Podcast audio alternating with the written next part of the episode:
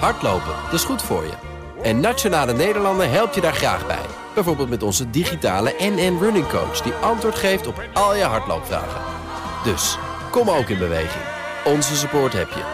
Kijk op nn.nl slash hardlopen.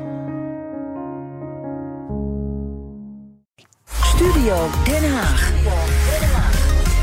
En het is een Studio Den Haag met een beetje een weemoedig tintje, althans bij ons. Want dit is de allerlaatste bijdrage van politiek verslaggever Sophie van Leeuwen. Hoi Sophie. Dag Lisbeth en Kees. Ze is vandaag voor het laatst in de Daily Move. Sophie neemt haar gezin onder de arm en vertrekt naar Kaapstad om vanuit daar correspondent Afrika te worden voor RTL. Na vijf turbulente jaren, mogen we wel zeggen, in politiek Den Haag. Behoorlijk. Het waren Ja. ook historische jaren, want in hoog tempo gebeurde er ongelooflijk veel. En vandaag blikken we terug met Sophie. Eerst maar even de sportsvraag, eh, Sophie. Wat gaat er vandaag door je heen? Ja, ik voel me verweest. Ik voel me. Ja, ik, heb, ik heb de deur achter me dichtgeslagen in Den Haag. Na alles wat er gebeurd is. Wat, heb, wat ben ik in godsnaam aan het doen? Waarom? Beetje huilende Kamerleden, omdat je nu Ik weggaat? krijg ook appjes van de ja, wel eens fractievoorzitters van... oh, we gaan je missen. Ik, Nou. En, eh, nou, Of ja, denken ze niet, yes, ze gaat weg, want ze was altijd zo kritisch. denk ik, ben ik blijkbaar niet kritisch genoeg geweest, denk ik dan. Maar het, is wel, het voelt wel heel erg. Maar ja, het is wel tijd voor iets nieuws, blijkbaar. Ja, mooi, een hele mooie nieuwe stap. Dus ik zou je vooral daarop verheugen. Je hebt voor deze terugblik gelukkig ehm, tijd gemaakt. En ook een Kamerlid meegenomen. Een van je favoriete Kamerleden, vertelde je me. Nou, kom maar op, wie is Ja, het? nou, met de ene heb je dan meer dan klik dan met de andere. En sommige mensen vind je gewoon heel erg leuk of, of goed of professioneel. Dus ja, ik heb voor jullie meegenomen Farid Azarkan, de fractievoorzitter van Denk. Dag Farid Azarkan in Den Haag. Dag Sophie, hallo. Ja, hallo. Ik vraag nu aan. Sophie eh, waarom eh, ze u heeft meegenomen.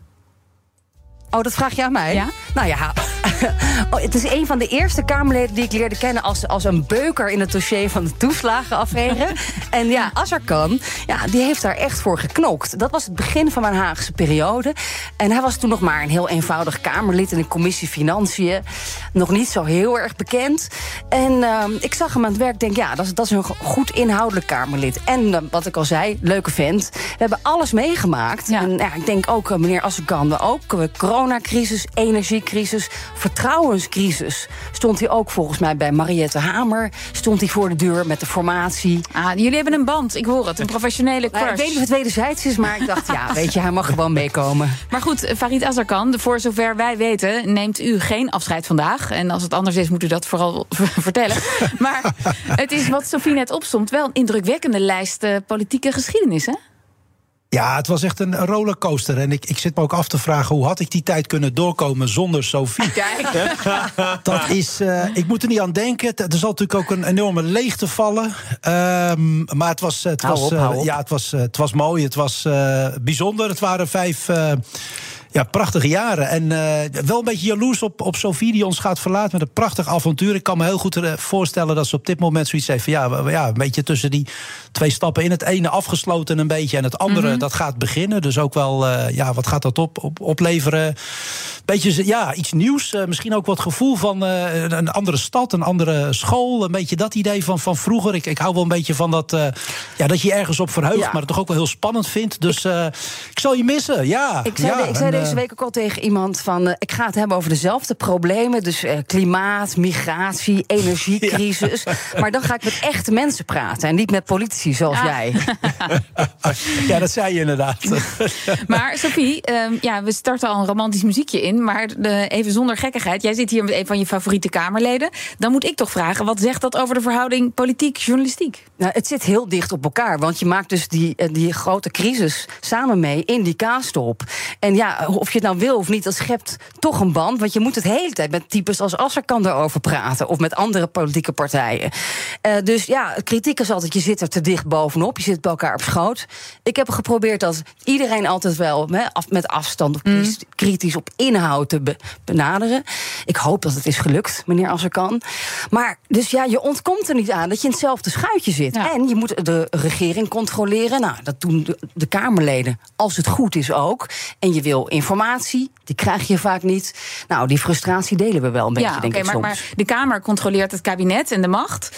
Maar de, en de journ- journalisten ook. Maar de journalisten controleren ook Kamerleden. Ja, ik kan me herinneren tijdens de coronacrisis dat dat denken even niet bereikbaar was toen het daar dan de crisis uitbarstte. Maar uh, dus ja, die, we moeten ook de politieke partijen con controleren, ook meneer Asserkan. Dus, uh, Zeker. Ja, ben ik, een voorstander van. Ja. En ik moet er wel bij zeggen, Sophie, ook toen wij uh, in, inderdaad in die coronacrisis, dat was 6 juni 2020. Is een hele spannende vergadering voor Denk. Het was erop of eronder. Ik heb toen als net aangetreden politiek leider gezegd tegen toen dacht RTL.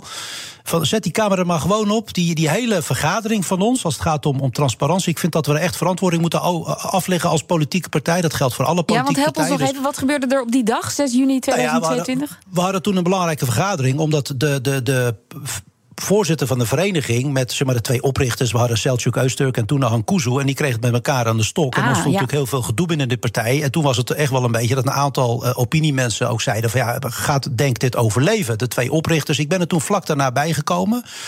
En op enig moment moesten we daar best wel belangrijke keuzes maken. En het was ook heel spannend. En ik vind ook in analogie naar het CDA in 2010, wel of niet regeren bijvoorbeeld met de PVV, dat was toen ook allemaal live te volgen. Ik weet dat nog in een weekend.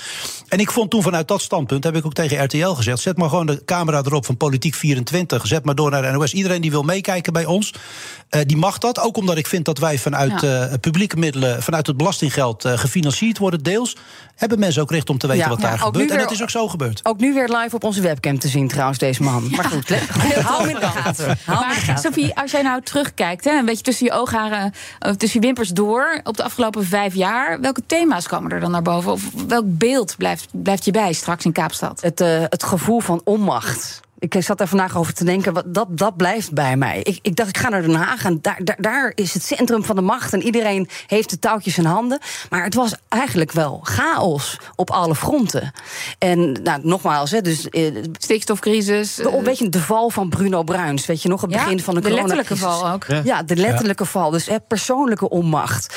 Um, maar ook bijvoorbeeld één ding wat me heel erg is bijgebleven... niet alleen corona en de vertrouwenscrisis... maar ook de, de val van Kabul, twee jaar jaar geleden. Ja. Toen stond ik bij de ministerraad met minister Kaag toen en uh, Bijleveld van Defensie en Buitenlandse Zaken.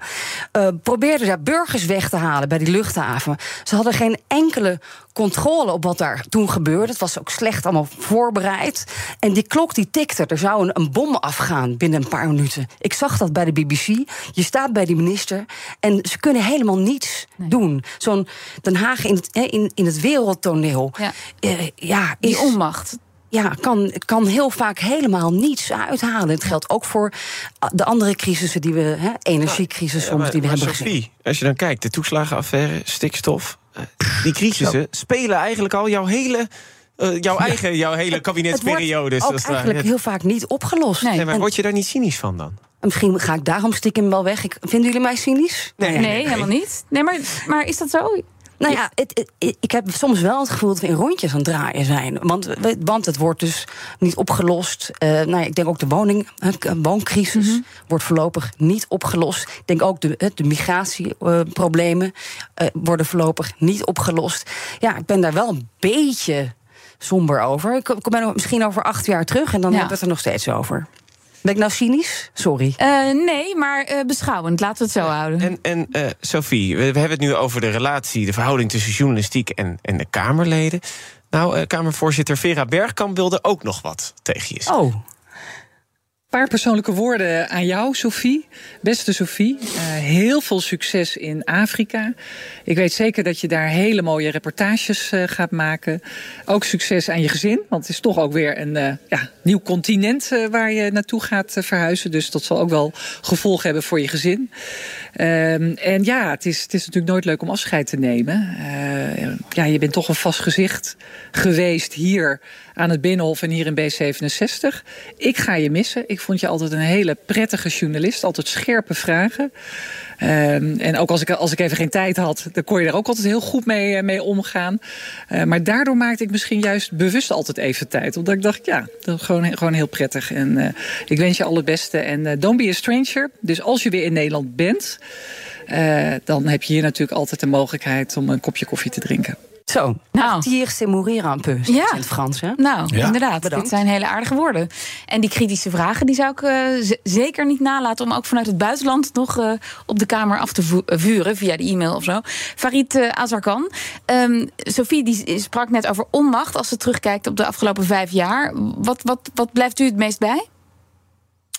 Ehm, nou, ik, het, het vertrouwen in de politiek. Het vertrouwen gebaseerd op die onmacht. En een aantal hele grote vraagstukken die niet opgelost worden. Ze zijn net al voorbij gekomen. Stikstof, eh, Groningen. Eigenlijk ook eh, mensen jarenlang in ellende laten zitten. Alle signalen waren er. We zagen het ook bij toeslagen. En dan vraag je je eigenlijk wel af... Is, is nou die politiek en met name ook dat bestuurders, die ministers, het kabinet, zijn die nou voldoende betrokken bij die samenleving? Of is dat, dat wantrouwen wat burgers steeds meer hebben, eigenlijk gewoon niet een logische uitkomst van die afstand? Want als je die problemen voor mensen niet, niet daadwerkelijk oplost, ja, dan gaat dat fraude niet komen. Dus dat heeft echt heel veel impact op mij gemaakt. Maar ik ben er ook wel achter gekomen.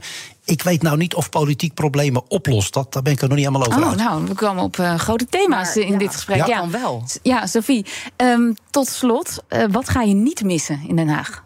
Ehm, de problemen. oh ja, en al die eindeloze treinreizen naar Den Haag vanuit Amsterdam. Ja. Maar goed, binnenkort. Nou, jij dan- gaat wordt correspondent in Afrika. Over eindeloze reizen gesproken. Ja, Ja. Maar, ja, maar dan hoef ik, zit ik in ieder geval niet in de trein naar Den Haag. Nee, maar er zijn 54 landen die je dan moet coveren. Ja, het wordt veel erger. Ja. Het wordt veel erger. Zo. Maar Maar goed, ja. ehm, wij eh, zwaaien je uit. Dank je heel erg Ja. hartelijk voor alle mooie interviews. Al die uren in de trein, maar ook het posten voor deuren en gangen. En eh, nou ja, goede contacten hebben ons heel erg veel opgeleverd in Den Haag. Dank Sophie van Leeuwen, allemaal. dank je wel. Business Booster. Hey ondernemer, KPN heeft nu Business Boosters. Deals die jouw bedrijf echt vooruit helpen. Zoals nu, zakelijk tv en internet, inclusief narrowcasting... de eerste 9 maanden voor maar 30 euro per maand. Beleef het EK samen met je klanten in de hoogste kwaliteit. Kijk op kpn.com slash businessbooster. Business Booster.